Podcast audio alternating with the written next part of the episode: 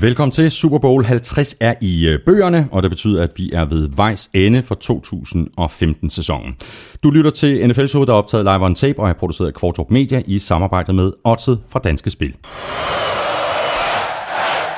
Og øh, også i dag, der får du et øh, spiltip eller to til sidst i udsendelsen. Du kan lytte på øh, nflshow.dk i SoundCloud og på gulklud.dk. Men hvis du ikke allerede abonnerer i iTunes, eller der hvor du nu henter dine podcasts, så skulle du tage og gøre det.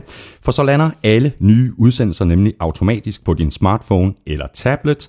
Med andre ord, så går du ikke glip af et eneste afsnit, heller ikke, hvis vi nu beslutter os for at lave podcast i løbet af off-season, for eksempel i forbindelse med draften. Tak fordi du øh, downloader og lytter. Jeg hedder Thomas Kvartrup. Her kommer min medvært. Oh! Vikings, let's win this game. Skål Vikings, honor your name. Go get that Velkommen til, Elming. Godt at se dig igen. Mange tak, og øh, skønt at være her, og nu endelig kunne sige, wow, nu har vi fuldført en hel sæson, selvfølgelig kulminerende med Super Bowl 50, en vanvittig fed kamp med et overraskende resultat. Det må man sige ja til. Havde du en... Øh... Ja tak, hvad vil du gerne sige? Havde du en god Super Bowl? Det synes jeg. Vi havde et øh, stort fedt Super Bowl arrangement øh, i samarbejde med Microsoft og Doritos, øh, som blev holdt ude i Microsofts nye lokale ude i Lyngby. Og øh, det, var, det var fedt. God mad, god stemning, øh, sjove mennesker, glade mennesker. Øh, og altså, alle blev hængende til den bitre ende, ikke? Altså, så den her kamp. Og mange blev hængende bagefter os og så postgame interviews, mm. altså mens folk kigger ryddet op og sådan noget, ikke? Så, øh, så stod folk og, og, og så Peyton Manning og så Von Miller blive kåret til MVP og så videre, så videre. Og øh, du var lidt inde på det, Claus. Øh, Det her det er sidste show for 2015-2016 sæsonen. Øh, det har været fantastisk. Det har været, og jeg sagde det også i sidste uge, jeg vil gerne gentage det, det har været inspirerende at komme herud hver uge og vide, at vi to vi skulle sidde og tale fodbold. Øh, Og det skal jo ikke være nogen hemmelighed, at da vi inden sæsonen øh, talte om det her, så sagde jeg, Nå, men altså, hvad, hvor lang tid kan vi snakke? Tre kvarter en time, ikke? og så blev det første show, det blev lige under to timer, og sagde, Nå, det var, det var, det var, det var, nok, og det var nok også for langt, det der, Thomas, ikke?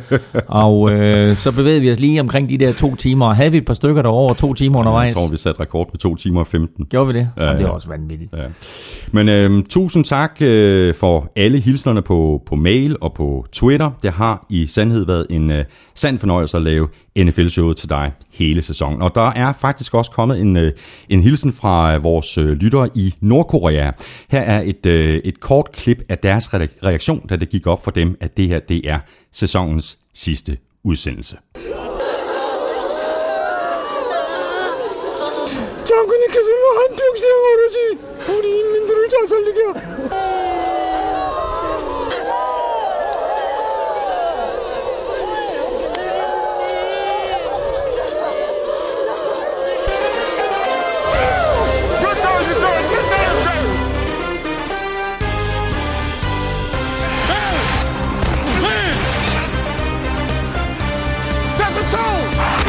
Defense wins championships, sådan er det, og Super Bowl 50 var ingen undtagelse. Broncos defense med Von Miller og DeMarcus Ware i spidsen sad tungt på Panthers angrebet, og det er grunden til, at Manning nu har fået sin ring nummer 2.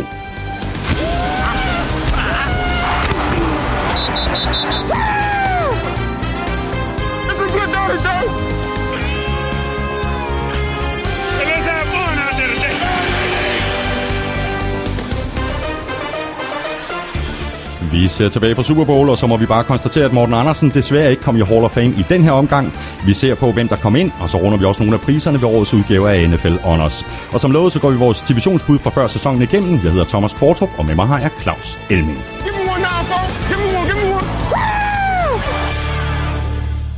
Ja, Claus, øh, det kommer nok bag på dig, at øh, vi er så store i, i Nordkorea, men det, det er vi. Den der, den er helt for din egen regning, men jeg lyttede lidt på det klip der, og så tænkte jeg, at den kunne lige så godt have været optaget i Carolina. Claus, vi går, øh, vi går lige på og hårdt med, øh, med, med Super Bowl 50, øh, der jo endte med en øh, Broncos sejr på 24-10. Det var ikke den kønneste kamp, og det var heller ikke en, en Super Bowl, der sådan vil gå over i historien for det flotteste angrebsspil. Kampen fandt aldrig rigtig sin egen rytme, men den var spændende næsten til det sidste. Den var spændende lige ind til øh, den sidste fumble af Cam Newton, øh, som TJ Ward får fat i, og så scorer CJ Anderson umiddelbart derefter. Øh, der er de foran med 14. Øh, og der må det simpelthen ikke gå galt. Og der begyndte der også for første gang, kunne man se, at komme nogle vindersmil frem på Broncos sidelinje. Og selvom der var tre minutter igen, øh, og jeg sad og kiggede på min bror, og vi var sådan lidt, ah, slap nu af, mm. så var de godt klar over det, at med det forsvar, de havde, der skulle der gå virkelig et eller andet helt fuldstændig vanvittigt galt, for at de ikke ville vinde Super Bowl. Og vi vender tilbage til det der, den, den sidste fumble af Cam Newton og de sidste minutter, og vindersmil, og måske en op i en boks, som ikke smilede så meget.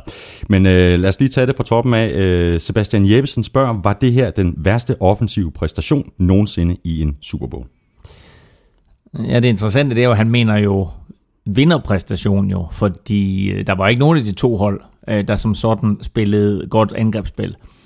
Og øh, jeg vil vende den lige til at starte med om og sige, det var også to gode forsvar. Mm. og derfor så havde de to angreb svært ved at spille godt offensivt fodbold. Men Peyton Mannings indsats, Broncos indsats, yardsmæssigt, 194 yards det er mindst nogensinde. Det er første gang ever, at et hold er under 200 yards offense, et vinderhold er under 200 yards offense. Øh, det er det mindste siden Baltimore Ravens havde 244 i Super Bowl 35. Og så er der omgående sammenligning med den måde Peyton Manning spillede på, at han var ikke længere manden, der skulle vinde kampen. Han var blevet game manager og skulle undgå at tabe den. Præcis. Og så Trent Dilfer ja. fra Baltimore Ravens i Super Bowl 35. Som i sandhed var en game manager. Men undskyld mig, managerede Ravens bedre i den Super Bowl, end Manning gjorde i mm, den her mm. Super Bowl. Alle andre quarterbacks, alle andre kampe, som Manning blev skiftet ud. Jamen, jeg, jeg, jeg er fuldstændig enig. Altså, to turnovers, ikke? Det, det kunne have kostet i den her kamp, ikke? Og den ene three and out efter den anden. Hmm. Altså, det var, det var tango defense fra, fra, fra begge forsvar, ikke? Ved du, hvad tango defense det er? Det er 1, 2, 3 og ud. Så har vi et spørgsmål her fra Nikolaj Tejlsø, øh, der kigger på den anden side af, af bolden. Var det her den bedste defensiv indsats af et hold i Super Bowl-historien, vi så fra Broncos defensiv. Øh, og det er Nikolaj øh, Tejlsø altså, han underskriver sig som en meget træt og glad Denver-fan, der kommer til at gå i sin Von Miller-trøje i den næste tid. det kan man godt forstå. jeg, vil gå, jeg vil gå i den uh, helt ind til september. Uh, måske endda helt ind til næste års Super Bowl. Uh, om det var den bedste defensiv. Altså på tværs af kampen, så de her to forsvar, det de leverede, var den bedste samlede kollektive forsvarsindsats, vi nogensinde har set. Det var uhemmet, hvad de her to hold præsterede. Og man skal også lægge mærke til, at med alle de fejl, som Carolina begik, der er det jo helt utroligt, som Carolinas forsvar holdt dem inde i kampen. Mm. Og det er måske en historie, der går lidt tabt, fordi alle taler om Denvers forsvar, taler om Von Miller og DeMarcus Ware og TJ Ward. Øh, men Carolinas forsvar med Luke Kuechly og med Thomas Davis og med Josh Norman, der havde hænderne på en masse bolde, som han normalt intercepte, de spillede enormt solidt. Broncos forsvar har jo inden kampen, eller var inden kampen, hvad skal man sige, øh, meget diplomatisk, og så siger, at vi er et godt forsvar, vi spiller godt. Efter kampen, der har de altså ikke lagt skjul på, at de føler, at de 11 spillere, der startede, plus de roleplayers, der nu er, at det er måske det bedste forsvar mm. nogensinde. De er simpelthen ude at sige, når du ser på det hele, defensiv linje, pass rushers, linebackers, cornerbacks, safeties, på tværs af det hold, der er vi det bedste forsvar, der nogensinde har spillet en Super Bowl. Og jeg er der til dels, fordi igen, når vi sammenligner på tværs af generationer og på tværs af dekader og så videre, det, du kan ikke sammenligne det her hold det, med det Baltimore Ravens, og du kan slet ikke sammenligne det med Bears 85. med 85 Bears. Nej, nej, præcis. Fordi de var så dominerende. Altså de, man kan sige Broncos forsvar her, ikke? Altså tillod jo øh, Ben Roethlisberger, Tom Brady, øh, og Cam Newton øh, i de tre kampe, de spillede i slutspillet. To kastede touchdowns til sammen. Ikke? Altså, det er jo helt vanvittigt. Gør det. Øh, de tillod dem de tre kampe der. Syv. De tre kampe. Steelers, Panthers og, øh, og Patriots, undskyld. Øh, de tillod dem syv third down conversions. I tre kampe. Ja, det er helt, det er helt vildt. Går du tilbage til 1985 og Bears, de tillod modstanderne 0 point, 0 point og 10 point i slutspillet. Øh, så, så de to ting, hvis du sammenligner det, altså det, det, det, det er statistikker, som jo ikke er direkte sammenlignet, men man kan bare sige, ja, de er helt deroppe. Det er klart, at det er et top 3 forsvar, øh, men jeg vil ikke begynde at sætte Bears under Broncos, jeg vil ikke begynde at sætte Ravens under Broncos, men de tre forsvar, mm skiller sig ud som de bedste forsvar, der nogensinde har spillet. Og så bliver vi nødt til lige at snakke om, øh, om Von Millers øh, præstation. Han blev øh, MVP, øh, og det her øh, Broncos forsvar, de tangerede jo Super Bowl-rekorden med 7-6, mm. og derudover så forsidder de så fire turnovers. Mm. Og, det, og, og, og de to turnovers førte til to touchdowns. Mm. Det første var jo ret tidligt i kampen, Von Miller øh, slår bolden ud af hænderne på, på Cam Newton. Øh, har du skal vi tale om den senere? Kommer vi tilbage til den? Altså, eller er vi i gang med den nu? Vi er, vi er i gang med den nu. Fordi den måde, han, øh, han, han hiver og flår bolden ud af armene på Cam Newton, det er jo helt genialt. De fleste forsvarsspillere, der kommer ind, besejrer den offensive lineman og har et clean shot på quarterbacken, går efter at knuse ham. Hmm.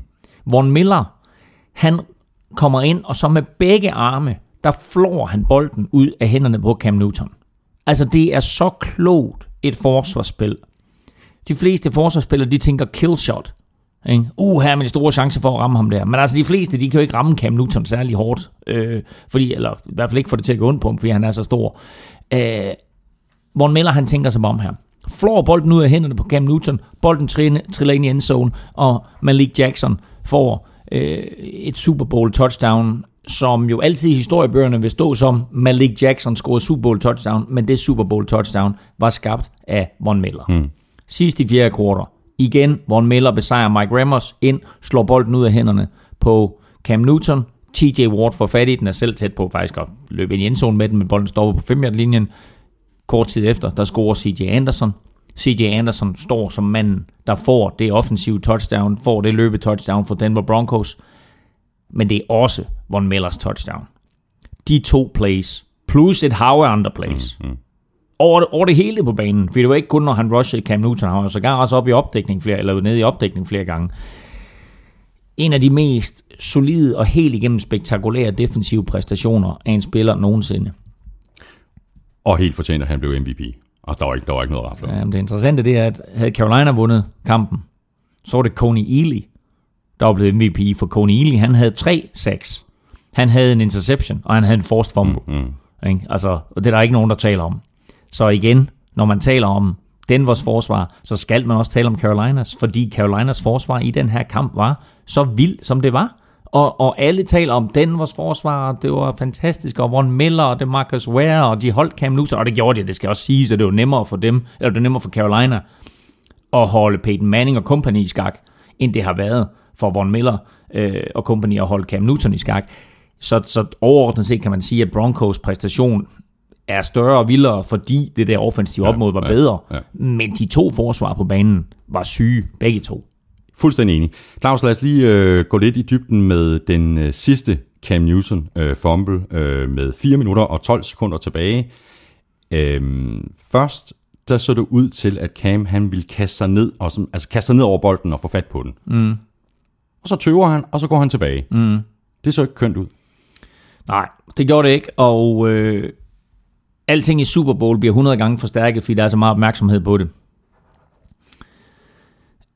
Han har jo øh, så sent som i går, det er onsdag i dag, så det var tirsdag, der var han, øh, der lavede han et interview, hvor han ligesom sagde, øh, øh, han kom ikke som sådan med nogle undskyldninger, men han sagde, prøv at høre, altså, det er jo ikke fordi, jeg ikke er en hårdfører type. Altså, prøv bare at gå tilbage til den interception, som Patrick Peterson laver øh, for Arizona Cardinals ugen inden, der er Cam Newton jo med til at løbe tilbage og få taklet Patrick Peterson, så det er jo ikke som om, at han ikke øh, gør det, der skal til for at, at, at stoppe modstanderen i at score. Her siger han også efterfølgende, at altså, øh, mit ben havde det ikke særlig godt, så jeg smed mig ikke ned. Jeg stod forkert på mit ben på det tidspunkt der til, at jeg kunne smide mig ned øh, i den der fumble.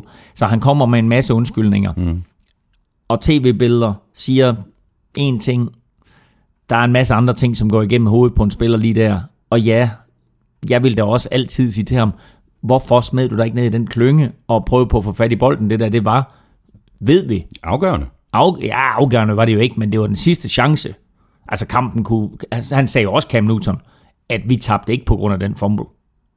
Nej, nej, man taber jo sjældent bare på grund af et spil. Men Nå, vi nej, godt men altså, du skal men ikke vi kan godt blive enige om, at hvis han havde kastet sig ned over bolden og fået fat på den, så havde øh, Panthers haft en langt større chance for at vinde den kamp. Ja, ja, men du skal ikke kalde det play afgørende. Det er ikke afgørende, det play. Altså, Von Millers plays er afgørende. Det her det er ikke et afgørende play. Det er en chance for, at Panthers kan bevare bolden på egne hænder og måske score touchdown. Mm. Ikke? Altså, men afgørende er det ikke. Øh, men det er en markant situation, og det er en situation, som 100% sikkert bliver forstærket øh, mange, mange gange af, at det netop er i Super Bowl, det sker. Havde det været andre, alle andre situationer, alle andre tidspunkter, alle andre kampe, nej, så havde der ikke været så meget fokus på det. Så umiddelbart efter, så øh, scorede Broncos så touchdown, og de lavede en two-point conversion, og dermed var de så foran med, med 14 point. Morten Wien, Wienholdt øh, spørger, øh, bruger I ikke lige to minutter på den øh, meget mærkværdige fejring i situationstegn, som Eli lavede, da det stod fast, at hans bror ville vinde Super Bowl. Og spørgsmålet er, om det stod så fast, om det ikke lige præcis er derfor, at Eli han ikke øh, flippede ud op i boksen og med, med begge arme i vejret sagde, ja, yeah, nu har storebror vundet øh, Super Bowl ring ja, nummer det- to, ikke? For dem, der ikke lige ved, hvad vi taler om, og det gør de fleste sikkert nok, der lytter med på nuværende tidspunkt, øh, så er der et billede op fra boksen, hvor mor jubler, og storebror Cooper jubler, øh, og, og der er en eller anden knæk, som jeg antager er, Coopers søn, der, der jubler. Øh, men Eli Manning øh, ser en lille bitte smule øh, ud som om, at øv, nu kom Peyton Manning, altså storebror, op på, op på mig. Nu har han også to Super Bowl sejre. Nej, det, jeg tror ikke, det var derfor, han så sådan ud. Lad os lige lægge mærke til, at Eli ser sådan ud, og Archie Manning, faren, ser sådan ud. Og som jeg skrev inde på googleklud.dk, det har intet med jalousi at gøre. Fordi det her, det er et spørgsmål om, at Eli og Archie er quarterbacks. De ved præcis, hvad der skal ske nu. Der er tre minutter tilbage af kampen. Det var måske for hurtigt, at Broncos de scorede.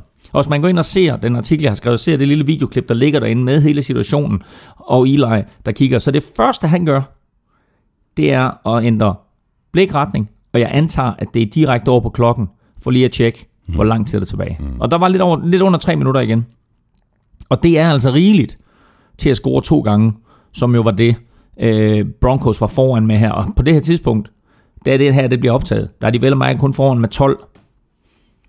Ja, det, er- det er umiddelbart efter touchdown. Og jeg har her onsdag lige lagt en artikel op i dag også, med et interview, der er lavet med Eli Manning i lufthavnen, øh, da han ankommer til øh, New York, øh, af en eller anden tilfældig person med et kamera eller en mobiltelefon, som spørger Eli Manning, hvad, tænk, hvad tænkte du på det tidspunkt?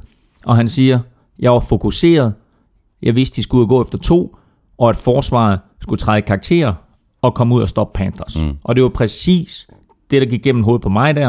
Og jeg sad sammen med Jesper til vores Super Bowl party, min lillebror. Vi kiggede hinanden i øjnene, og da de scorer så hurtigt Broncos, der kigger vi hinanden i øjnene. Og nærmest i kor siger vi til hinanden, det der, det var det bedste, der kunne ske for Panthers. Mm. Fordi tre minutter igen, og Cam Newton, og et angreb, som har masser af potentiale, men som har været sat i skak hele kampen øh, af, af den vores forsvar. Altså, hvis de lige pludselig eksploderede, og det kunne de sagtens, og lad os bare tænke tilbage på sidste år, semifinalen, NFC-kampen mellem øh, Seahawks og Packers. Altså, Packer, ja, Packers Packers, havde- Packers havde Seahawks fuldstændig nede i sækken. Og de havde stort set den til. Ja, men prøv at høre, der, der, der var tre eller fire sække, hvor, hvor Seahawks lå nede, og de var alle sammen snøret til. Så får de et, et, et touchdown, ikke? Nå, okay, fint nok. Men så får de også et onside kick, og scorer og kunne hjælpe med der igen. Mm. Så går kampen i overtime, og så vinder Seahawks på den første angrebsserie i overtime. Altså, så der er ingenting, der er umuligt. Mm. Og realisten, Eli Manning, og hvis man kigger i baggrunden, Archie Manning, de er klar over det. Tre minutter. This ain't over yet. Det er det ikke. Især ikke, hvis øh, Panthers angreb øh, de kunne øh, komme i gear, for det, det var de jo stort set ikke i, i, i den her kamp. Der var sådan lige momenter, øh, hvor de viste noget af deres styrke. Der var tabte bolde fra, fra Panthers receiver undervejs i kampen. Um, meget af æren øh, for det tilfælde tilfælder selvfølgelig Broncos defense, men det undrer alligevel mig, at de ikke øh, udnyttede Cams forser bedre. Jeg troede faktisk, at de ville komme ud, de ville være kommet ud til anden halvleg. Så ville der have været, måske have været kaldt nogle flere designede løb til Cam, et eller andet, og, og udnytte hans, hans, hans helt øh, fænomenale evne til at løbe med bolden, eller i hvert fald at true med at løbe med bolden. Mm. Jeg synes også, de kaldte for få designede løb til Cam Newton, men man skal også lægge mærke til, at det her Denver-forsvar, De stillede rigtig, rigtig tit op med mere eller mindre 10 mand på linjen. Hvis du starter ude ved den, den yderste receiver i venstre side, og, og kigger over på den yderste receiver i højre side, og så kigger øh, over på forsvaret, så stod der nærmest 10 mand på linje der, og så var der en spiller, øh, som regel øh, TJ Ward eller Darren Stewart, der var trukket tilbage. Øh, og så i sidste øjeblik, der viste Denver, hvem er det, der rusher, hvem er det, der trækker tilbage, og der er ingen tvivl om, at det her vil med til at forvirre Panthers offensiv linje, mm. og vil med til at forvirre Cam Newton, og måske jo sikkert også dem, som har kaldt plays. Og øh, Panthers har i den her sæson været i stand til at mere eller mindre øh, lade være med, hvad skal vi sige, at vaske Cam Newtons trøje efter kampene, fordi den var ikke beskidt. Hmm. Han er blevet ramt i gennemsnit 3,2 gange per kamp. Det meste, han er blevet ramt i sæsonen, er 6 gange. Broncos ramte ham 13 gange. Og det vil sige, at de for det meste var i stand til at holde ham ind i lommen, sørge for med deres opstilling for, at han ikke på forhånd vidste, hvor bliver der skabt et hul, jeg kan løbe i. Sørg for, og her er et lille trick, som jeg ved, jeg ved, jeg ved at du sad øh, og holdt øje meget store del af kampen. Øh, du sad og holdt øje med Von Miller og det Marcus Ware. Præcis. Lagde du mærke til, hvor tit de lavede den med, at Von Miller rushede hårdt fra den ene side, og så Mark det Marcus Ware loopede Ja. fra sin position og ind i midten. Sådan så hvis Cam Newton besluttede sig for at træde op og forsøge at finde et hul i midten, så kom det Marcus Ware der. Ja, og, og timingen var simpelthen imponerende. Altså, det Hele var sådan tiden. en sådan et-to stød hele tiden. hele tiden. Øh, og timing var også sådan, så det passede lige med, at de fem offensive linemen for øh, Panthers, at de blev optaget af nogle andre spillere, og hvis så Panthers holdt en tight end og en running back ind til at blokere, så nåede de også lige at beslutte sig for at gå et sted hen. Og i det øjeblik, de havde gjort det, så kom det Marcus Ware loopende rundt. Og det ekstra pres, som han bragte, var med til at skabe en hel del sacks, var med til øh, at give Von Miller øh, i hvert fald et halv af sine sacks. Øh, så der, der var mange små aspekter i kampen, hvor 99% credit går altså til Wade Phillips, defensive coordinator for Denver Broncos. Vi talte om i sidste uge de her forskellige enheder fra de to hold, hvem har fordelen, og vi blev enige om, at trænerfordelen lå ved Denver. Du går lige Gary Kubiak, jeg bragte Wade Phillips på banen og sagde, at alle trænere, der er der en træner, der skiller sig ud markant, og det var Wade Phillips. Og hans gameplan imod Patriots, og hans gameplan imod Panthers, viste sig bare at være brillante, gennemtænkte og effektive. Og det samme var tilfældet her, at dit spørgsmål var oprindeligt på, hvorfor kom det ikke ud med flere, det er et langt, langt svar det her, hvorfor kom det ikke ud med flere designede løb til Cam? Deres helt overordnede mål var, hold Cam i lommen.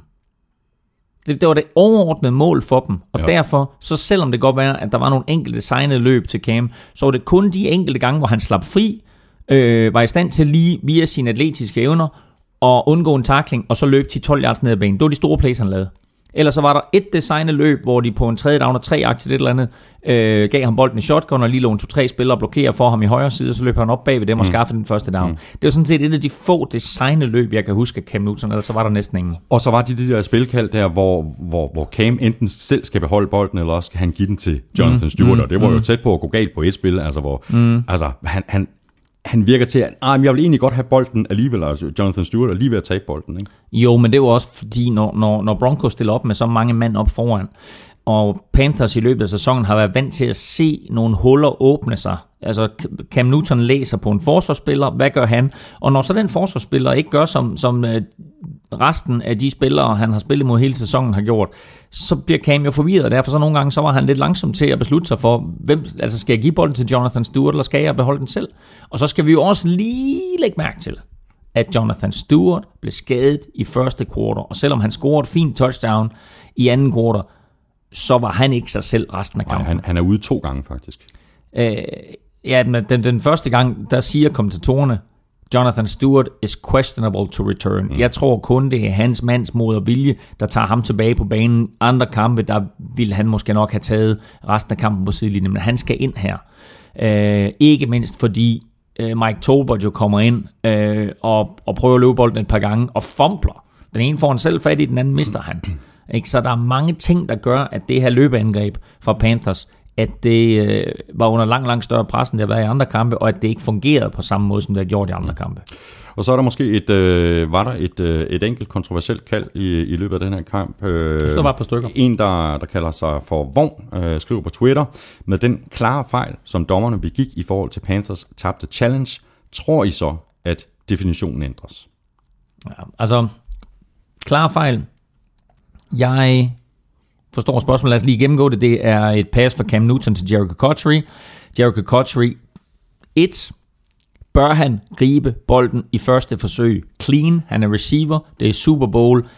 Han har ikke dårlige hænder. Men det var ligesom om, at mange Panthers-spillere, og især Cam Newton, var berørt af, at det var Super Bowl 50 øh, og storheden omkring det her, den her event og den her kamp. Jericho Cotchery skal gribe bolden med det samme. Mm. Det gør han ikke, men får fat i den i anden ombæring, ruller rundt, sikrer sig bolden. Jeg synes ikke, videobillederne på noget tidspunkt viste, at bolden var nede og røre jorden. Jeg var enig med Vogn om, at det her var en, var en fejl, men argumentet er jo, øh, og, og måden reglen er skrevet på, er, der skal være uomtvisteligt bevis for, at situationen er anderledes end den, der oprindeligt er dømt, for at dommerne kan omstøde den. Mm. Dommerne vælger ikke omstøde, de siger øh, stands, altså uh, the call on the field stands, hvilket betyder, at vi har ikke videomateriale nok til at omstøde kendelsen. Samtidig med... Det er ikke confirmed. It præcis, stands. præcis. Samtidig med, at dommer Mike Carey, tidligere dommer må vi hellere lige kalde ham, Mike Carey, som er CBS' regel-ekspert, ekspert i gåsøjne, Hold siger, kæft, hvor han rammer forkert mange gange. Det er helt vildt. siger, her kan jeg godt forstå, at Carolina de challenger, fordi det er helt klart et catch. Jericho Cotchery griber bolden, den er ikke nede og ramme jorden. Det her er en første down. Lad os nu lige vende det her rundt, fordi hvis nu Mike Carey han havde været dommer i Super Bowl, så havde de fået det catch. Nu er det Blake Cleatman, som er dommer, og så får de ikke det catch. Altså på den måde, der har valget af dommer og dommercrews også indflydelse på, hvordan øh, et, et spil eller en Super Bowl udvikler sig. Hmm.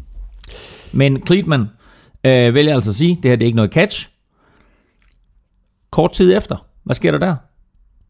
Fordi det her det ikke bliver et catch, så ryger bolden jo tilbage til den oprindelige udgangsposition. Øh, og der går der et eller to spil, og så er det Von Miller. Han fremtvinger den første fumble, som giver Broncos et touchdown Og en føring på 10-0. og en føring på 10-0. Kæmpe, kæmpe forskel. Det må man sige ja til. Mathias øh, Gerlov spørger, hvad siger Og, det? og vi svarede jo ikke på spørgsmålet. Nå, om der kommer en regelændring. ja, om der kommer en præcisering. Hvad var spørgsmålet? Jamen det var, om, om, om regelændringen kommer. Om definitionen ændres. Og kan du huske, at vi to vi talte om præcis den samme situation i sidste uge? Mm. At hvis der kommer en situation i Super Bowl, som bliver afgørende omkring det her catch, no catch, så går de ind og kigger på den igen. Fordi Dean Blandino jo har, ud- altså øh, ham der ligesom er overordnet øh, dommeransvarlig i NFL, han har været ude at sige, vi er tilfredse med catch-reglen, der bliver ingen ændringer. Altså det sagde han inden Super Bowl, ikke? Mm. Altså kan vi blive enige om, at nu er der igen noget kontrovers omkring den, og der skal ske et eller andet. Altså, At de, de bliver nødt til at vise og signalere, at de tager det her alvorligt. Dommeren på banen siger et, den ekspert, som CBS har siddende til at vurdere situationen, siger noget andet. Vogn siger et, alle Carolina-fans siger et, alle Broncos-fans siger noget andet. Altså det her, der skal være 100% sikkerhed for, hvordan fungerer reglen, hvad er rigtigt, hvad er forkert, hvad er et catch, hvad er ikke et catch. Præcis. Mathias Gerlov, han spørger, hvad siger det om NFL, at øh, Broncos kan vinde Super Bowl efter Mannings vel nok svageste sæson? Synes heller ikke, han var prangende i finalen. Og var det Cam Newtons dårligste kamp i sæsonen? Statistisk var det selvfølgelig Cam Newtons dårligste kamp i sæsonen. Øh, de har scoret, hvad lavede de? De lavede 10 i finalen. Øh, det er selvfølgelig det færreste antal point, de har scoret i løbet af sæsonen. De holdt et snit på 32, over, to, eller over 31 point øh, i snit per kamp. De holdt et snit på 40 point i playoffs. Øh, de har kun én gang i løbet af sæsonen scoret under 20 point. Så øh, ja, statistisk pointmæssigt, der var det her Cam Newtons dårligste kamp. Udover det, så synes jeg også, at han missede nogle kast, og han var overivrig på nogle tidspunkter. Så jeg synes, især i første halvleg, var Cam Newton tydeligt påvirket af, at det her det var Super Bowl. Øhm, og så var der et spørgsmål omkring, om det var den dårligste præstation fra et vindende hold. Nej, det var øh, sp- spørgsmålet gik på, øh, på, på Manning, og at øh, han vil nok have spillet sin mm. øh, svageste sæson. Og øh, Mathias Gerdau, han synes heller ikke, at øh, Manning spillede prangende i finalen, og det var fuldstændig... Men, men han ikke, hvad siger det om Super Bowl, eller hvad skrev han? at, øh, hvad, hvad siger det om NFL, at Broncos kan vinde Super Bowl efter Mannings vel nok svageste sæson, og det champion, øh, defense wins championship. Jeg, jeg skulle lige så sige det. Jeg skulle præcis til at sige det. det. Der er ingenting, der er forandret. Det er stadigvæk defense wins championships. En lille hurtig sjov statistik. Når sæsonens def- altså højst rangerede defense øh, er i Super Bowl. Det er sket 12 gange, at de har været i Super Bowl. Og nu jeg, jeg er sådan lidt, øh, jeg er lidt modstander af, hvordan det bliver gjort op, hvad der, hvad der er, er det bedste forsvar. Der er nogen, der siger, at det, det, det er yards, men det er ikke helt retfærdigt. Der er også nogen, der siger, at det er point, det er heller ikke helt retfærdigt. Så man skal få en eller anden måde at vurdere på, hvad er det bedste forsvar. Men statistisk i år, så er Denver det bedste forsvar. Øh, og det er, ud, det er set ud fra, hvor mange yards, der er, øh, de har opgivet per kamp. Det er sket 12 gange i Super Bowls historie, at det forsvar, der har opgivet færrest yards per kamp i snit, er kommet øh, i finalen. De er 10 og 2 i de 12 kampe. Inklusiv hmm. i år, hmm. og inklusiv for to år siden, hvor Seattle spillede mod Denver Broncos jo selv. Øh, hvor Broncos jo kom ind med det bedste angreb, og Seattle havde det bedste forsvar, og knuste dem 43-8. Så, øh, og så mener jeg faktisk, at Seattle havde det bedste forsvar sidste år også, men tabte jo til Patriots. Så der kan man sige, at det er en af de, en af de to sejre, som det bedste forsvar har måttet opgive. Men ellers så er det altså typisk det bedste forsvar, der vinder de her kampe, og derfor, set i bagspejlet, kan alle jo være virkelig, virkelig kloge, ikke inklusive os to. Mm. Men altså tænk sig, at vi var så overbevist sammen med 90% af resten af verden, om at Carolina de ville køre den her hjem. Ja, jeg var fuldstændig overbevist. Jeg tweetede øh, lige ved kampstart og sagde, at det var sådan en mavefornemmelse. Mm. Ej, jeg, tror, jeg tror faktisk, Broncos de vinder. Mm. Men der er, der er en af vores, øh, vores lyttere, Mads Bay, mm. hans tweet en halv time før kampstart var alligevel bladret. Jeg kalder den, Broncos vinder, Von Miller bliver MVP. Sådan der, det er da meget godt. Det kan vi lære noget af, Claus. Ja, Det er ikke sådan, at jeg bliver udskiftet nu, vel? det kan vi fandme lære noget af det der. Men jeg vil lige sige en, en, en sidste ting her, jeg sagde til Jesper bagefter, jeg sagde, det var så vanvittigt, fordi Jesper og jeg, vi havde jo det her Super Bowl party, og det aller sidste, vi gør, inden vi ligesom går på signalet, øh, det er at komme med vores bud. Og øh, jeg havde været ude at lave nogle interviews med den amerikanske ambassadør, hvor han øh, ligesom øh, bagte op til den her kamp, og det sidste interview med ham var så, hvem vinder Super Bowl, og han sagde Panthers, og Jesper og jeg havde begge to aftalt inden, at vi ville sige Panthers begge to. Øh, Jesper han sagde Panthers, og så stod jeg kort tid inden, at vi skulle gå på med det sidste her, øh, og det var sådan, det var, vi havde vist nogle slides, ikke, hvor vi så, du ved, så kom der sådan en Panthers logo frem for Jesper, ikke, og så mm, mm. stod jeg kort tid inden, at vi skulle gå på med det her, der stod jeg og overvejede, skal jeg ændre det logo der til Broncos logo, så tænkte jeg, nej, nej, du holder fast. Ja. Ikke? Men, det, men det var tæt på, ikke? og det er nemt nok at komme og sige bagefter. Men lige der, lige der, kort op til, der kom jeg til at tænke på, der er så mange forsvar, som har vundet Super Bowl. Giants gjorde det to gange mod Patriots, ikke? Ravens gjorde det, Bucks gjorde det, mm. Seahawks gjorde det. Altså, der er bare mange eksempler. Ja, det er der. Og så tænkte jeg faktisk på, at både med hensyn til Cam Newton og resten af det her Panthers hold, som jo ikke har den samme erfaring, som det her Broncos hold har, jeg tænkte, hvis de kommer i modvind, hvis de får noget modstand fra, fra, fra begyndelsen, mm. i modsætning til de forrige kampe, hvor, hvor, hvor Panthers jo bare kørt hen over deres modstandere, kan vide, hvordan de så reagerer. Mm. Og jeg synes godt, man kunne se det på Cam også, øh, når der var, var, var nærbilleder af ham, at han, han så ikke ud på samme måde i ansigtet, som han har gjort øh, faktisk hele sæsonen. Nej, og det var, nu, nu talte vi om, hvad det overordnede mål var for, for, for Denvers forsvar. Det var selvfølgelig at, at, at, at lukke ned for, for, for Cam Newtons øh, løbeangreb, men det var også at få ham øh, til... Altså TJ Ward sagde det jo bagefter. Han sagde direkte, vi vil ikke have den glade Cam på banen. Vi vil have surmule Cam. Mm-hmm. Og det lykkedes os, og det lykkedes os tidligt. De ramte ham, de tvang ham til nogle incompletions, han lavede en fumble, der gav touchdown, og pludselig, ikke, så var det jo ikke den her dabende cam, som man så, så var det lidt den tabende mm. cam, man mm. så, ikke? og øh, kiggede sådan, du ved, lidt opgivet ud på sidelinjen, og stod og kommunikerede med sin offensive line, når han blev ramt igen, og så videre, og så videre, ikke? Altså, helt, helt, helt anderledes attitude i den her kamp for Cam Newton, end i, ja, øh, 17 af de andre, andre kampe, de har spillet. Øh, 17 af de andre 18 kampe, de har spillet i løbet af sæsonen, ikke?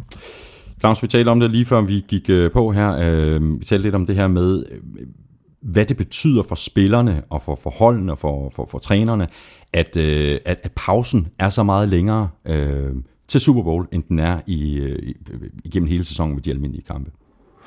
Øh, altså normalt kampe, så er pausen jo 12 minutter.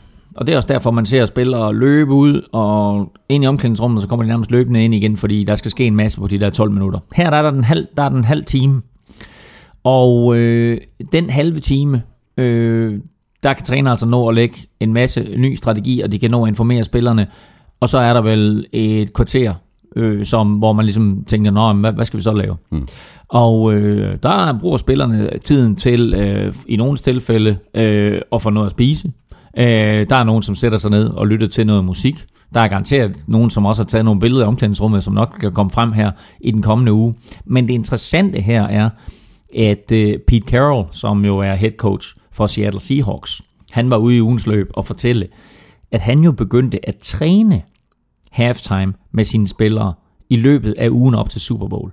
Sådan, så det ikke skulle komme som en chok for dem, at nu var der en halv time. Så han gjorde det i sine træninger, og han sagde, så nu, nu, nu, nu træner vi simpelthen en Super Bowl her, og så trænede de i, lad os sige, en time til det eller andet. Så holdt de simpelthen en halv time pause, hvor de gik ind i omklædningsrummet, og lå som om, det her, det er hmm. måden, det kommer til at fungere på på søndag, og så kom de ud og så trænede en time mere. Sådan så spillerne, når det var søndag, ikke fik det der chok. Og vel heller ikke øh, trænerne? Trænerne altså, det samme. Hvad er det, hvad er det vi skal bruge al den her tid til? Præcis. Og øh, der er en lille ting her, som jeg synes er interessant med hensyn til, nu har vi talt om det her med, med storheden af Super Bowl, og om, om Cam Newton var påvirket. Og vi nævnte det kort i sidste uge. Der var 16 Broncos-spillere, der havde Super Bowl-erfaring. Der var fem Carolina Panthers-spillere, der havde Super Bowl-erfaring. Jeg var tilbøjelig til i sidste uge at sige, at det kommer ikke til at betyde noget.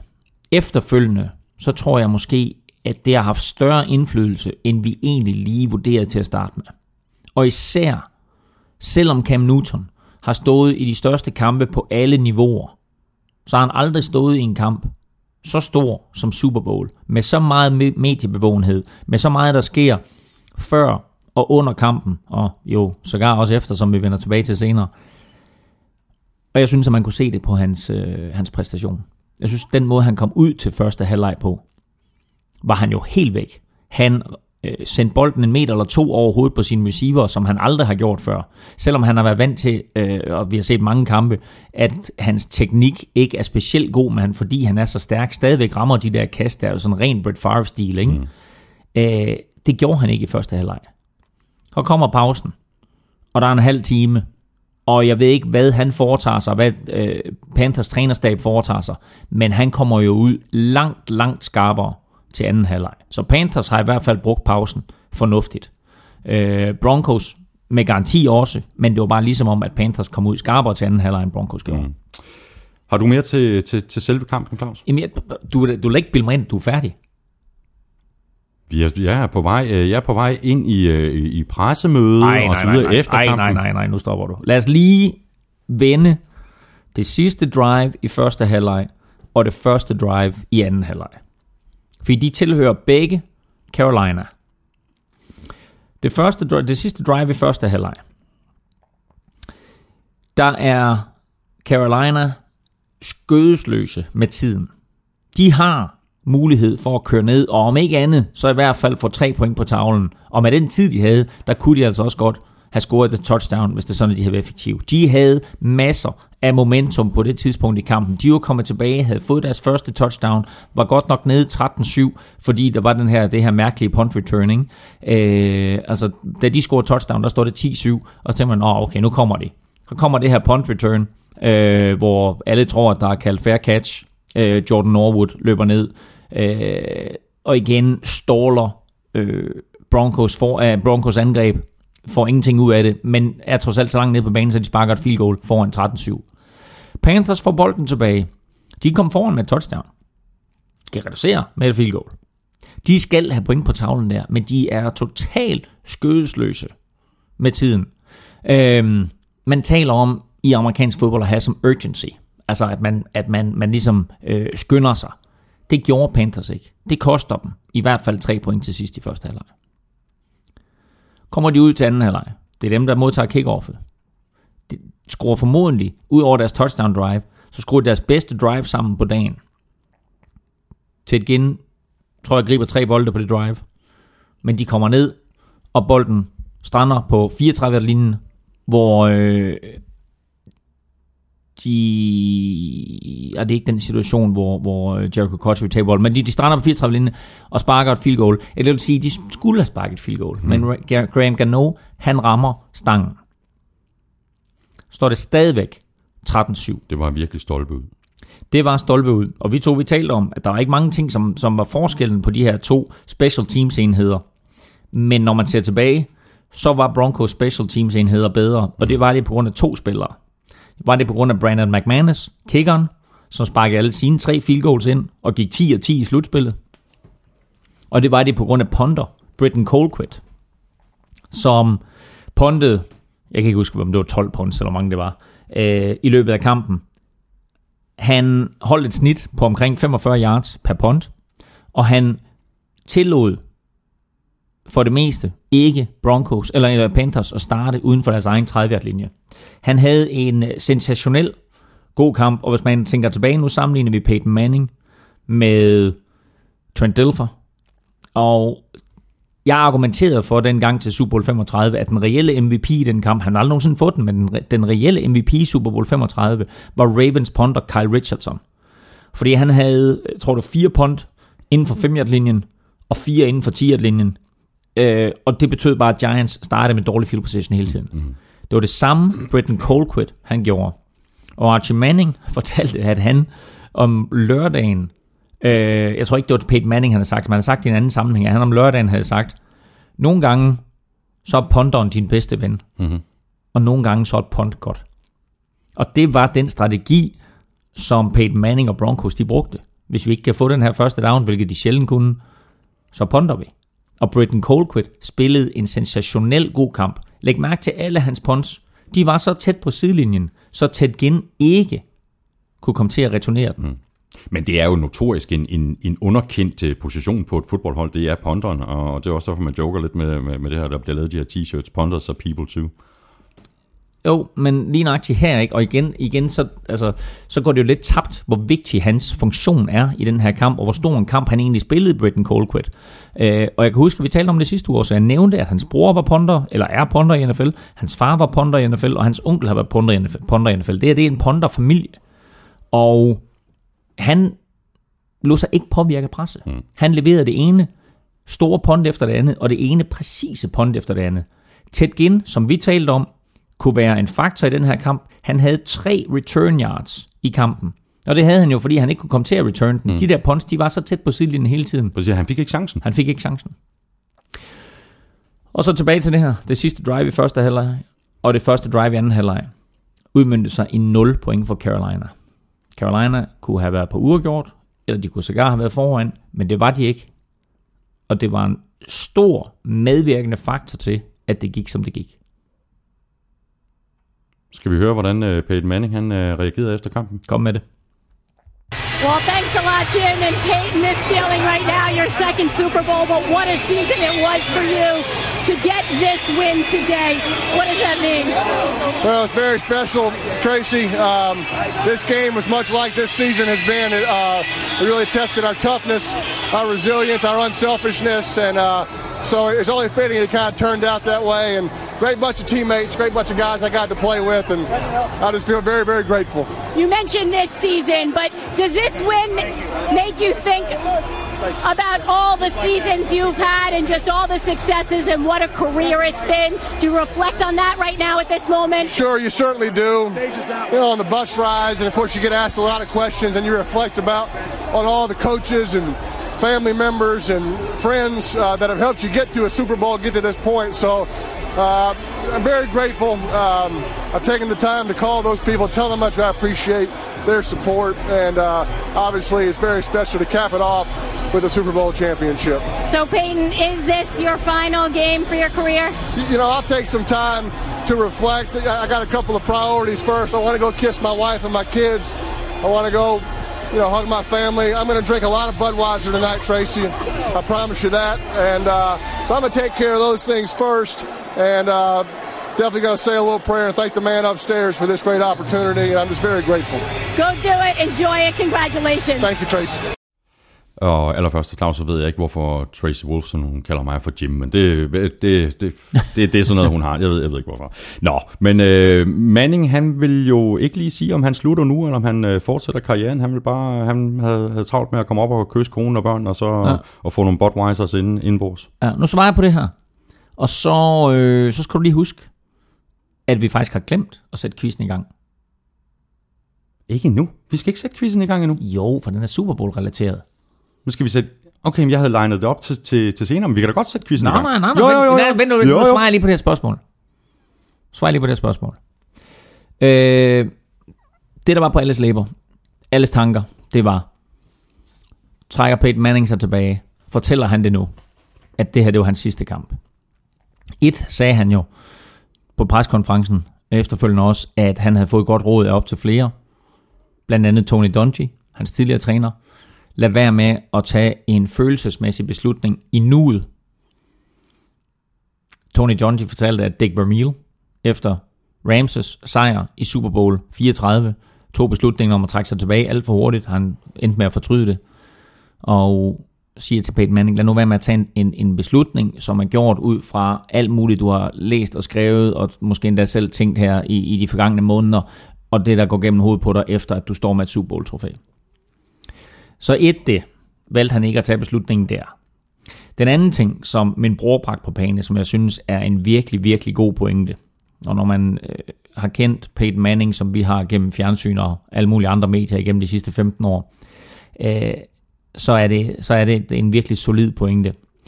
Peyton Manning vil ikke her, og især ikke med den måde, han har spillet den her Super Bowl på, og for den sags skyld det her slutspil, der vil han ikke tage spotlyset fra alle de andre Broncos-spillere.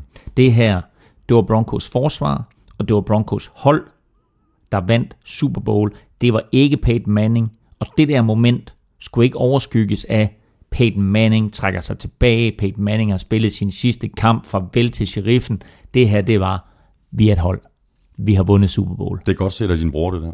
For jeg tror, jeg tror at øh, Jesper har fuldstændig ret mm. i den analyse, og jeg tror da i virkeligheden måske også, at Peyton Manning måske har tænkt de tanker om det her allerede før Super Bowl. Altså han står i en Super Bowl, han vil slutte af med en Super Bowl, om han så vil vinde den eller mm. tabe den. Han kommer næppe til at få chancen en gang til. Øh, nej. Så, så hvis jeg havde været Peyton Manning, så tror jeg nok at, at, at, at kigge tilbage på, på, på, på de præstationer, han har, har leveret i år. Nu vandt jeg Super Bowl for, for, for, for anden gang. Jeg, jeg tror, jeg, jeg, jeg takker af nu. Mm. Men vi får svaret. Ja, og altså, øh, jeg, tror, jeg, jeg tror, jeg har sagt, at, at han bliver 40 om fire uger. Det er vist først om seks uger, at han bliver, han bliver 40 år gammel. Men altså, han er allerede den ældste quarterback til at starte en Super Bowl. Han er naturligvis den ældste quarterback til at vinde en Super Bowl. Han trækker sig tilbage nu. Det kan der ikke herske nogen som helst tvivl om. Skal vi, skal vi nappe øh, quizzen nu, så før vi taler videre om Peyton Manning, og så går vi over og taler Panthers og, og, og Cam Newton? Skal vi tage den nu? Vi tager den nu. Vi Okay, tager den nu. godt. Sådan der. Vi skal have quizzen! Åh. Det er tid til quiz, quiz, quiz, quiz, quiz. Og jeg skal jo øh, med det samme beklage, at jeg blander mig i hele din lineup. Jeg troede bare, at vi havde glemt quizzen, fordi jeg tænkte, Nej, den var sjov. jeg glemmer aldrig quizzen. Nej, det var sjovt at sætte i gang. Prøv at høre her. Øh, I sidste uge, der var jeg jo øh, ret ond ved dig øh, med nogle øh, fuldstændig urimelige spørgsmål. Øh, og øh, der er tre spørgsmål i dag. Mm-hmm. Der er tre spørgsmål i dag. Øh, det er en god måde at slutte af på. Jeg tror ikke, vi på noget tidspunkt i løbet af sæsonen har haft tre spørgsmål. Men der er tre spørgsmål i dag. Og øh, jeg vil formode, at du har god chance for at svare på de to, og måske endda kan svare på alle tre. Ja, ja, jeg presser. Godt. Så vil jeg næsten hellere have svære spørgsmål, som jeg ikke har mulighed for at svare på. Præcis. Super Bowl 50 satte eller tangerede forskellige rekorder. En af de rekorder, som blev sat, var antallet af samlede sacks af de to hold. Hvor mange sacks leverede Broncos og Panthers til sammen? Jeps. Spørgsmålet er forstået. Tak. Jeg kender ikke svaret. Du kender ikke svaret. Super Bowl 50 blev vundet af Broncos, uden at de kastede et touchdown. Det er de det sjette hold i historien, der gør. Altså vinder en Super Bowl, uden at der bliver kastet et touchdown. Hvornår skete det sidst? Okay. Og den sidste. Hvem var den første spiller, som John Elway draftede efter han blev general manager for Broncos. Hvem var den første spiller, allerførste spiller, som John Elway valgte? Tre skønne spørgsmål.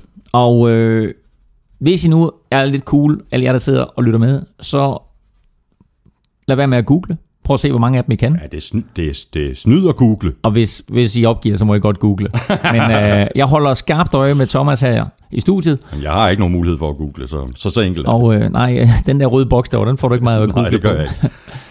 Nå, øh, jamen så tilbage til, øh, til Peyton Manning, Claus. Øh, Jeg har noteret dine øh, tre spørgsmål op, og Ja, jeg er fuldstændig blank, og jeg kigger først på dem igen, når jeg skal Ja, til at svare, så ja. det, skal nok, øh, det skal nok gå Ja. rigtig godt. Øh, Christian Gram spørger, er der nogen, der ved, om Manning overvejer at blive coach efter karrierestoppet som spiller? Det virker oplagt. Ja, det, altså, det er jo spekulationer, fordi nu har han jo endnu ikke meldt ud, om, om han trækker sig tilbage, så det er klart, at der kommer ikke øh, en melding på det, før han ligesom har meldt ud, at han trækker sig tilbage. Men ja, det vil være oplagt. Øh, på den anden side, altså okay, John Elway gjorde det. Øh, nej, det gjorde han jo ikke. Han blev ikke træner, vel mærke. Han blev jo general manager. Øh, Gary Kubiak gjorde det til gengæld, med stor succes jo. Mm. Øh, men Kubiak var jo også en spiller, som ligesom stod på sidelinjen, øh, og ikke rigtig spillede, og måske ikke var helt færdig med fodbold. Og det her, det er selvfølgelig en stor fodboldfamilie, Manning-familien. Men om han bliver træner, hvis jeg skal være helt ærlig, så tror jeg nej. Jeg tror, jeg tror ikke, at han ønsker at, at blive træner, øh, men altså, hvem ved. Nej. Hvad, hvad er din vurdering? Det er hårdt arbejde at være, være træner, ikke? Øh, det er mere eller mindre 24 timer i, i, i døgnet, mm. øh, året rundt. Øh, Men altså, Tom, Coughlin, øh, som lige har trukket sig tilbage, mm. øh, har jo været ude i den forgangne uge og sige noget rigtig, rigtig interessant, og det er, at han siger jo, jeg kan ikke finde ud af at være trukket tilbage. nej. Mit liv var fastlagt i rammer. Øh, Jeg vidste præcis, hvad jeg skulle, hvornår. Jeg vidste, at der var en mange, mange ting, som jeg skulle nå. Jeg vidste, at når, så skulle jeg have de og de møder, jeg skulle mødes med de og de mennesker, og jeg skulle have det og det sat i systemet, jeg skulle kigge på de og de spillere, jeg skulle gøre det og det. Jeg kan ikke finde ud af at være pensioneret. Peyton Manning har jo også haft sit liv lagt i rammer i mange, mange år. Altså mere eller mindre fra han, øh, ja, altså, øh, vel sagtens startede på University of Tennessee, og, og så nu her, til, øh, til han formodentlig trækker sig tilbage. Så spørgsmålet er, hvordan han håndterer det der med pludselig ikke at have al den fodbold omkring sig. Det kunne være argumentet for, at han blev træner. Men generelt set, så tror jeg, at han er en øh, mand, som jo også har en spirende forretning øh, med, med forskellige ting, han har kastet sig ind i, ikke mindst sit, sit pizza-eventyr. Øh, så jeg tror måske, at han beslutter sig for at lave noget andet. Mm. Lad os så prøve, at, øh, også på, på trods af, at øh, han jo ikke øh, officielt har trukket sig tilbage endnu overhovedet, så lad os lige øh, se på Peyton Mannings legacy. Altså, han er den første quarterback nu med 200 sejre, 186 i regular season, og så øh, 14 slutspilsejre, deriblandt mm. to Super Bowls. Øhm, hvor efterlader det Peyton Manning på listen over bedste quarterbacks? Jamen, har, har vi ikke snakket om det engang?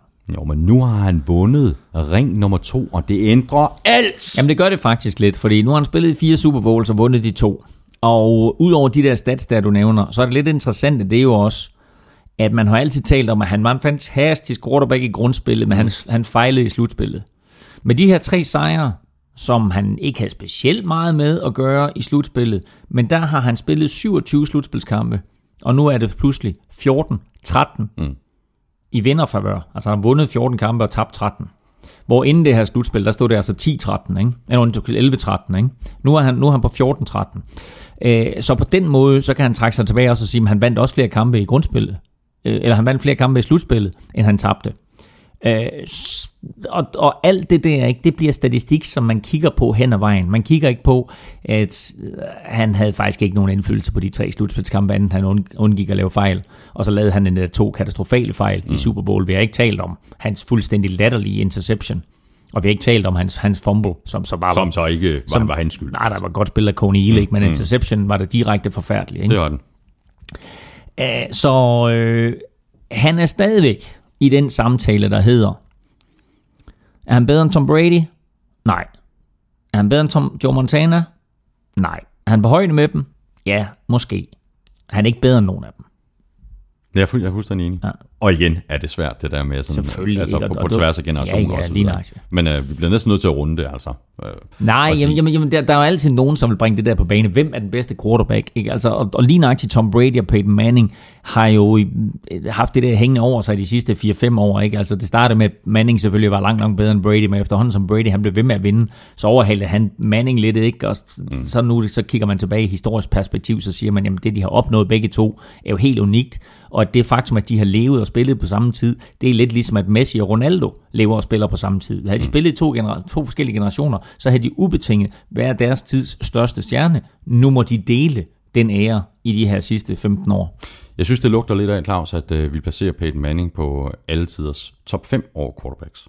Den kan du godt regne med, den holder. Spørgsmålet er så, hvor det her det efterlader øh, Broncos. Altså satsningen med Peyton Manning virkede jo så i, Mhm. mm. øh, i andet forsøg. Men hvad nu med, med Von Miller? Hvad med fremtiden for det her Broncos-mandskab? Von Miller er det, der hedder free agent. Og øh, det betyder, at han skal ud og forhandle en ny kontrakt. Øh, han er fri til at forhandle med alle klubber. Og han får en, en, en gigantisk kontrakt, uanset hvor han ender hen. Men han har jo selv været ude øh, her efter Super Bowl. Der var kæmpe parade tirsdag i Denver, og øh, jeg håber, at man sad og fulgte med. Vi lagde nogle live-billeder ud på, øh, på google.dk, hvor man, man kunne sidde og følge øh, den lokale tv-stations dækning af den her parade, og det var, altså, jeg sad og så den, Thomas, fra, fra klokken 8 i aftes til klokken 10, og det var mega fedt. Ikke? Altså, jeg er ikke Broncos-fan, men mm. altså, det sjove var, at vi var jo, jeg har nævnt det nogle gange, vi var der i december, ikke? og var jo inde og se den her kamp mellem Broncos og Patriots, og oplevede Mile High, Øh, og den, det, det inferno og, og den begejstring, som fansene har, det var mega fedt. Og så var det bare sjovt på en eller anden måde at sidde og se den der parade der. Mm, mm. Der var op mod en million mennesker samlet. Og man skal altså lige gå ind og tjekke Gul Klub, for artiklen ligger stadigvæk derinde med, med, med billeder og tweets fra, fra paraden, og se alle de her ufattelig, ufattelig mange mennesker, der er samlet for at hylde deres helte. Øhm, og der var jo også op på scenen forskellige interviews med, med forskellige spillere. Øh, men efter paraden, der blev Von Miller spurgt til det her med, øh, hvordan han så fremtiden. Og så sagde han, øh, altså lad os nu bare være realister. Jeg går ingen steder. Jeg skal ingen steder. Jeg bliver mm. hos Denver. Så han er godt klar over, at Denver vil have ham, og han vil gerne blive hos Denver. Og om ikke andet, så sker der jo det, at Denver jo smider det her, der hedder franchise-tagget på ham. Og et franchise-tag er, at øh, enhver NFL-klub må sige øh, til en spiller, du bliver her, marker, øh, og så skal de give ham en løn, der svarer til gennemsnittet af de fem højst betalte på positionen. Øh, og det er nogle gange godt, og det er nogle gange skidt, men for de fleste spillere, der er det jo ikke så fedt, fordi det er et år, hmm. de spiller på den her løn. Øh, og hvis de nu får en alvorlig skade, så er de ikke fremtidssikret. Øh, og det vil sige, at Von Miller selvfølgelig gerne vil ud og have en eller anden topkontrakt, eller det, som for eksempel J.J. Watt fra Houston Texans Og fik. gerne en lang kontrakt. Gerne en lang kontrakt, ikke? Og, og, og Watt han skrev jo en seksårig kontrakt til omkring 100 millioner dollars med, og det er det vigtige for alle NFL-spillere, med 52 millioner dollars garanteret, altså omkring 350 millioner kroner. 350 millioner kroner garanteret, uanset om du bliver skadet eller uanset hvad der måtte ske. Mm. Det er bare vigtigt for de her spillere. Og det er det, Von Miller han går efter. Går måske en dag efter lidt mere for at blive den højst betalte spiller på positionen. Lad mig bringe noget historik op her, fordi da jeg boede i USA øh, tilbage i 85-86, der kunne NFL-klubberne jo stadigvæk, og det var også dengang, man havde, der havde man de her dynastier. Man havde Packers i slutningen af, af 60'erne, og man havde Steelers i 70'erne, og man havde 49ers i 80'erne, og man havde Cowboys øh, et godt stykke ind i 90'erne. Men dengang, der kunne NFL-klubberne hvert år beskytte 35 spillere. Det var simpelthen en stavnsbinding. Sige, de her, de kan ikke flytte sig. De har en kontrakt, de bliver her. Der var ikke rigtig noget forhandling fra spillernes side. De havde fået en kontrakt, det var den kontrakt, de spillede på. Og hvis klubben ikke ønsker at frigive dem efter kontrakten med udløbet, der var ikke en skid, de kunne gøre. 35 spillere var stavnsbundet. Så gav man dem en ny kontrakt. Mm. Ikke? Altså, kan du forestille dig, hvad det gjorde for spillerlønningerne? Ja. Det holdt dem i bund. Det må man sige, altså. Så der var ikke som sådan øh, gode vilkår for spillerne. Og derfor så gik de ind og øh, strækkede øh, i 1982 sæsonen øh, og fik nogle øh, bedre vilkår på det tidspunkt, sådan så de kontrakter, der blev skruet sammen, øh, skulle udgøre, altså alle spillerkontrakter på tværs af NFL, det her det var tilbage i 82, skulle udgøre 55% af NFL's samlede omsætning. Det var det første store skridt. Så strækkede de igen i 1987 øh, imod den her stavnsbinding, og det kom der ikke noget ud af som sådan, andet end, at der var mange, mange spillere, mange, mange mennesker, mange, mange advokater, der blev gjort opmærksom på hele den her situation omkring, hvor uretfærdigt det var for spillerne.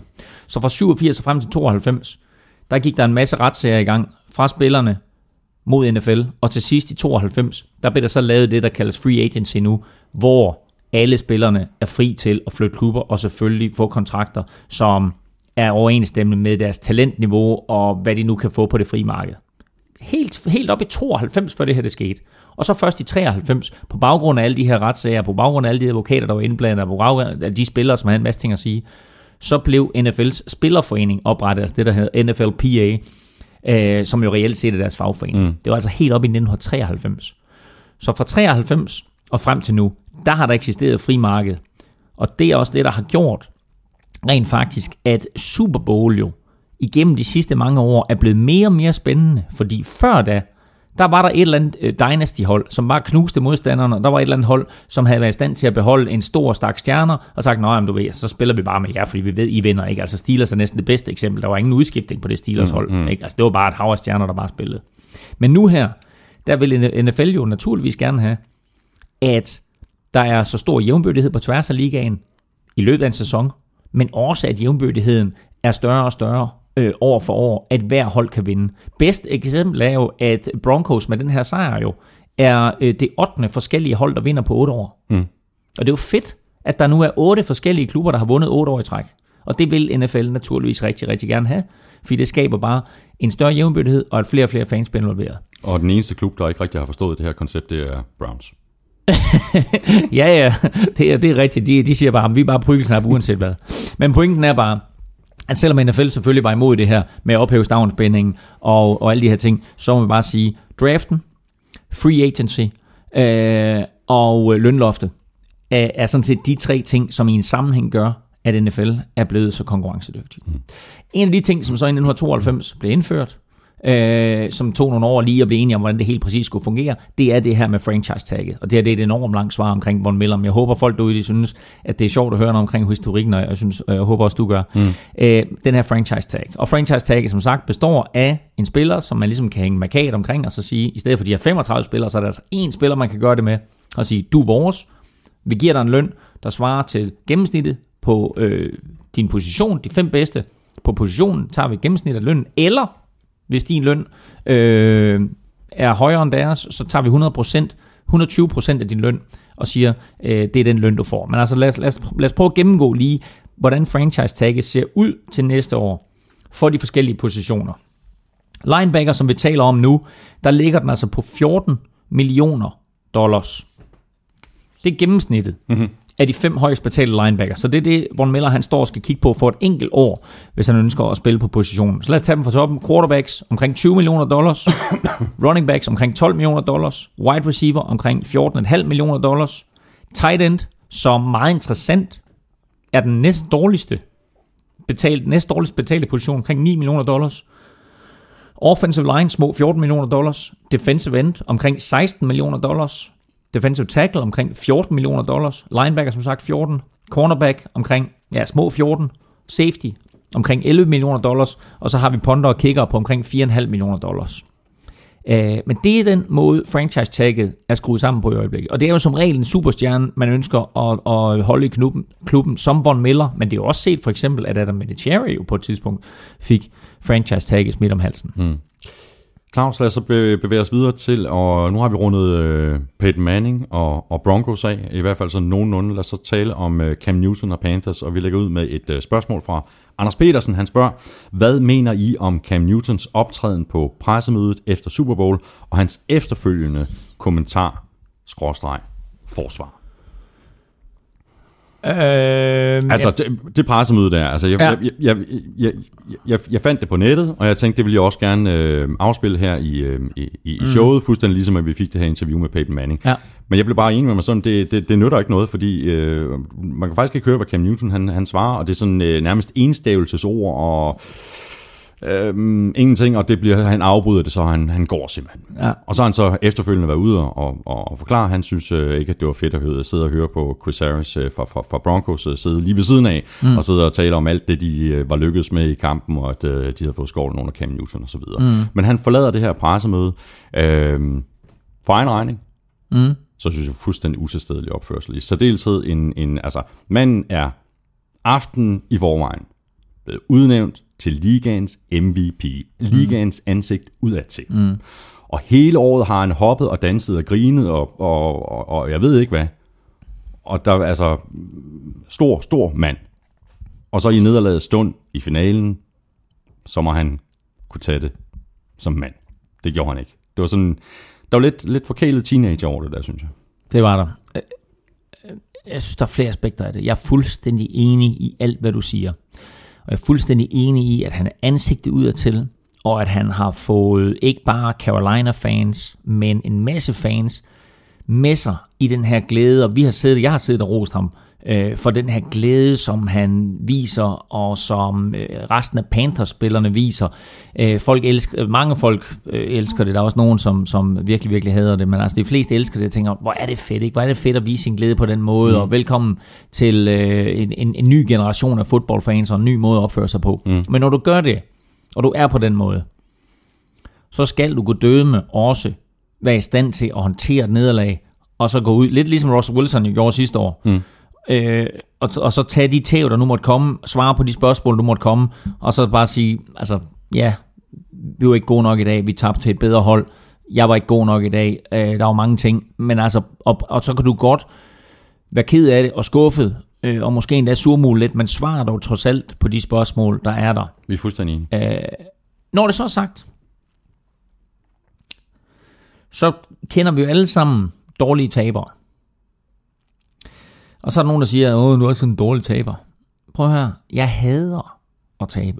Jeg har altid hadet at tabe. Og jeg skal bare tænke tilbage på øh, den sidste Mermaid Bowl, som, øh, hvor jeg var træner, og vi tabte. Vi har vundet alle kampe hele året. Det var meget, meget lige Carolina, ikke? Vi har vundet alle kampe hele året. Øh, jeg mener, vi jo 11-0. Øh, 10-0 i grundspillet. Vandt en enkelt slutspilskamp. Øh, eller, var, eller var vi 12 0 Vi var nok 12 0 øh, Var der en kvartfinale eller en semifinale, det tror jeg, der var. Så vi var 12 0 øh, og taber Mermaid Bowl til øh, Triangle Razorbacks.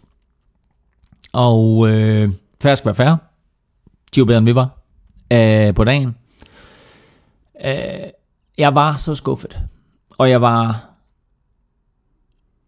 en lille bit smule ærgerlig også at have efterrationaliseret. Jeg har vundet syv Danmarksmesterskaber. Men den der kamp, der, det nederlag, det er altid det, jeg tænker tilbage på, når jeg tænker tilbage på min karriere som spiller og træner. Og jeg kan huske, at jeg blev interviewet til et eller andet medie bagefter. Og jeg svarede mere beredvilligt, vil jeg sige, end Cam Newton gjorde. Det siger heller ikke voldsomt meget. Nej, det gør det nemlig ikke. Men jeg var, jeg var ikke nær så oplagt til at svare på noget som helst, som jeg ville have været, havde jeg nu vundet. Men men det er også fair nok, at man ikke er oplagt, og det er også fair nok at være skuffet, og Cam Newton har også været ude og sige, at øh, øh, vis mig en god taber, og jeg, skal, og jeg skal vise dig en taber. Men det her, det er ligaens MVP. Mm. Stor i slaget mm. hele året, og Ja, jeg tror ja. endda, de har tweetet, øh, du Ja. ved, før kampen er slut, og, øh, Ja, og altså, hvor, hvor præcis. fedt det er, og så Ja. videre. Ikke? Jamen, så må man da øh, i det mindste kunne tage tævne efterfølgende, og så bare øh, svare på de spørgsmål, der bliver stillet. Det var jo ikke, det var jo ikke sådan nogle killerspørgsmål, Nej, han det fik. var det, var, det ikke. det var faktisk meget medfølende spørgsmål, Ja, han ja. fik. Og så øh, forlader han pressemødet efter et par minutter eller tre, eller sådan noget. Jeg synes, det er... Men, Det, det, det skal han arbejde lidt på til næste år, vil jeg sige. Ja, og øh, Panthers PR-afdeling har jo angiveligt, inden han trådte op på scenen, øh, og, og vist nok også under, bedt ham om, hey, tag, for han sad jo der med, med, med sin hættetrøje, ikke, øh, og, og havde hætten på, og så sagde de til ham, hey, tag lige den der hoodie ned der, ikke, du ved, altså... Øh, fordi også igen, det er første gang overhovedet, vi ser ham i år med en hoodie på, ikke? Altså ellers du er sådan siddet der i et eller andet fancy jakkesæt, eller ja. nogle øh, Versace-bukser, eller hvad det nu har været, ikke? Altså, og sådan, du ved, været nærmest overmenneskelig.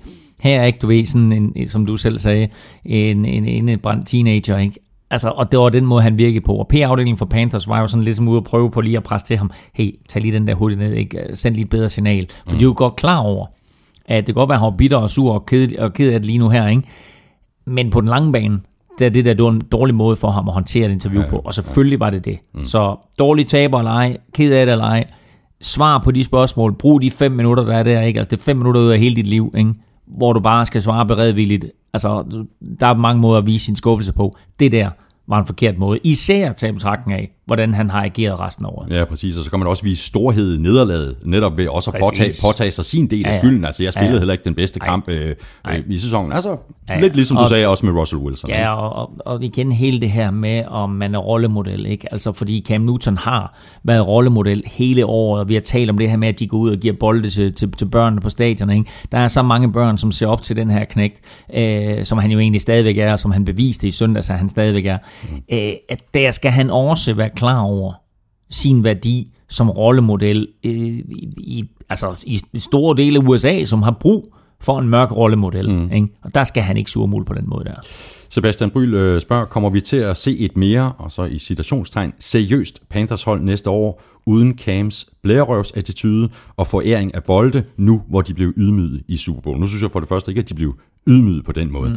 Men, øh, men, men spørgsmålet går på, om vi vil se et, et, et anderledes øh, Panthers hold øh, næste år, eller om de vil samle op på, på, på den stemning, som de ligesom har haft mm. igennem den her sæson. Jeg håber faktisk ikke, at vi vil se et anderledes Panthers hold. Jeg håber, de vil fortsætte på den samme måde. Jeg håber, at, det sådan, at, at de bliver ved. Jeg håber også, at de har succes med det. Jeg håber, at de stadigvæk giver bolde til børn, der sidder øh, ivrigt og venter på, øh, at, at der bliver scoret touchdown. Jeg synes, det er fedt. Jeg kan godt lide det. Men de skal bare finde ud af, hvordan de håndterer nederlag. Mm, altså mm. Øh, lidt, afhængig, lidt, lidt i sammenhæng med den øh, snak, vi havde før. Ja, præcis. Spørgsmålet er så, hvad Panthers og Panthers spillere og organisation har lært af at, at, at tabe den her Super Bowl. Kommer de stærkere tilbage næste år, eller er det her slag så hårdt, øh, at de bliver lettere at tale med? Altså man ser jo, man ser jo hold, når de taber den store kamp, så er de fuldstændig stålsatte på at komme tilbage og bevise deres værd året efter. Og du ser også det modsatte, at det mere eller mindre falder fra hinanden. Den stemning, der var, den ånd, den kan du ikke bare genskabe genskabes med, med et fingerknips. Og historisk set, der kvalificerer taberen af Super Bowl sig sjældent til slutspillet året efter. Mm. Går helt galt for dem. Var rigtig, rigtig mange år i træk, hvor taberen i Super Bowl faldt fuldstændig fra hinanden. Jeg tror, Carolina har for meget talent, og jeg tror, de ligger i for svag en division til, at de ikke også til næste år kommer i slutspillet. Øh, det interessante ved, ved, ved Panthers og de sidste tre år er jo, at inden de her tre år, hvor de vandt divisionen NFC South tre år i træk, der var der ikke et hold, der siden divisionen blev oprettet i 2002, havde præsteret at vinde den to år i træk. Faktisk havde hold i de første 12 år, divisionen var spillet, der havde Atlanta, New Orleans, Tampa Bay og Carolina i de første 12 år, alle sammen vundet den tre gange. Nu har Carolina så som det første hold vundet den tre år i træk. Og nu sidder vi tidligt her. Sæsonen er knap nok færdig, før vi begynder at snakke om 16 sæsonen, og meget kan ske inden da. Men jeg kan ikke se, at et af de tre andre hold har talentmassen mm. til at kunne konkurrere med Carolina om at vinde divisionen for fjerde år i træk. Morten Wienholdt øh, spørger, er der en, en risiko for, at Cam Newton nu ender som mange af de andre mobile quarterbacks, som øh, RG3 og Colin Kaepernick, lige ved og næsten, og så væk? Det tror jeg ikke på. Nej, altså selvfølgelig gør han ikke det. Han, øh, han har et helt andet øh, talent, end, end de har. Han er en helt anden type running quarterbacks, end, end de er. Øh, jeg tror, Cam fortsat vil være blandt de aller, aller største stjerner. Øh, der er trods alt, hvem nævnte, hvem nævnte han? Kaepernick, og hvem nævnte han mere? RG3. Ja, der er ikke nogen af dem, der har været tæt på at blive MVP. Altså, okay, RG3, han blev Rookie of the Year, ikke? Men altså, øh, det her, det er trods alt mm. NFL's MVP. Øh, og vel at mærke jo med, kan man sige, Jonathan Stewart på sin side, men ellers så de, og Greg Olson, men altså resten af det, man har haft omkring sig, har ikke ligefrem været superstjerner. Nu Nej. får han jo altså Calvin Benjamin tilbage til næste år. Jeg glæder mig meget til at se, hvad der sker med det. Ja. Mads øh, Warming, der er forholdsvis ny NFL-fan, øh, skriver, at han har genhørt podcast fra tidligere på sæsonen, så sent som i øh, uge 6, hvor der var seks ubesejrede hold. Og der vurderede I, som noget af det første i programmet, hvilke to af de seks, der var mest sandsynlige at se i Super Bowl, og hvilke to, der var mindst sandsynlige. I skød på Packers og Patriots som de mest sandsynlige, og Panthers og Broncos som mindst. Det er klassisk også, Claus. Det er godt set. Ja, det er rigtig, rigtig godt set. Uh, Mads Warming har så et spørgsmål. Hvad har været de vigtigste faktorer for de hold, som gjorde, at det hele det blev vendt på hovedet? For Broncos vedkommende, defense, defense, defense. Modet fra Gary Kubiak til at bænke Peyton Manning. Modet fra Gary Kubiak til at bringe Peyton Manning tilbage. Og så det faktum, at i slutspillet var angrebet en jeg vil ikke sige ligegyldigt, men det var et angreb, der bare skulle undgå at tabe kampene for Broncos, mm, mm. og være i stand til at tage den beslutning og lægge det hele over på skuldrene af forsvaret.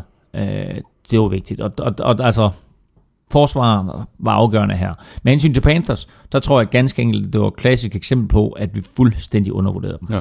Og det talte vi faktisk om i, i, i, i løbet af sæsonen. Undervurderer vi Panthers? Ja, ja. Altså, ja. Men det tror, jeg, det tror jeg mange gjorde langt hen ad vejen. Ja.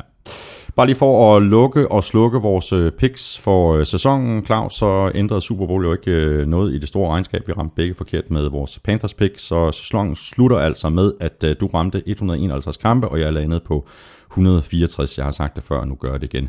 Så den øh, rigtig spændende, det blev det jo aldrig.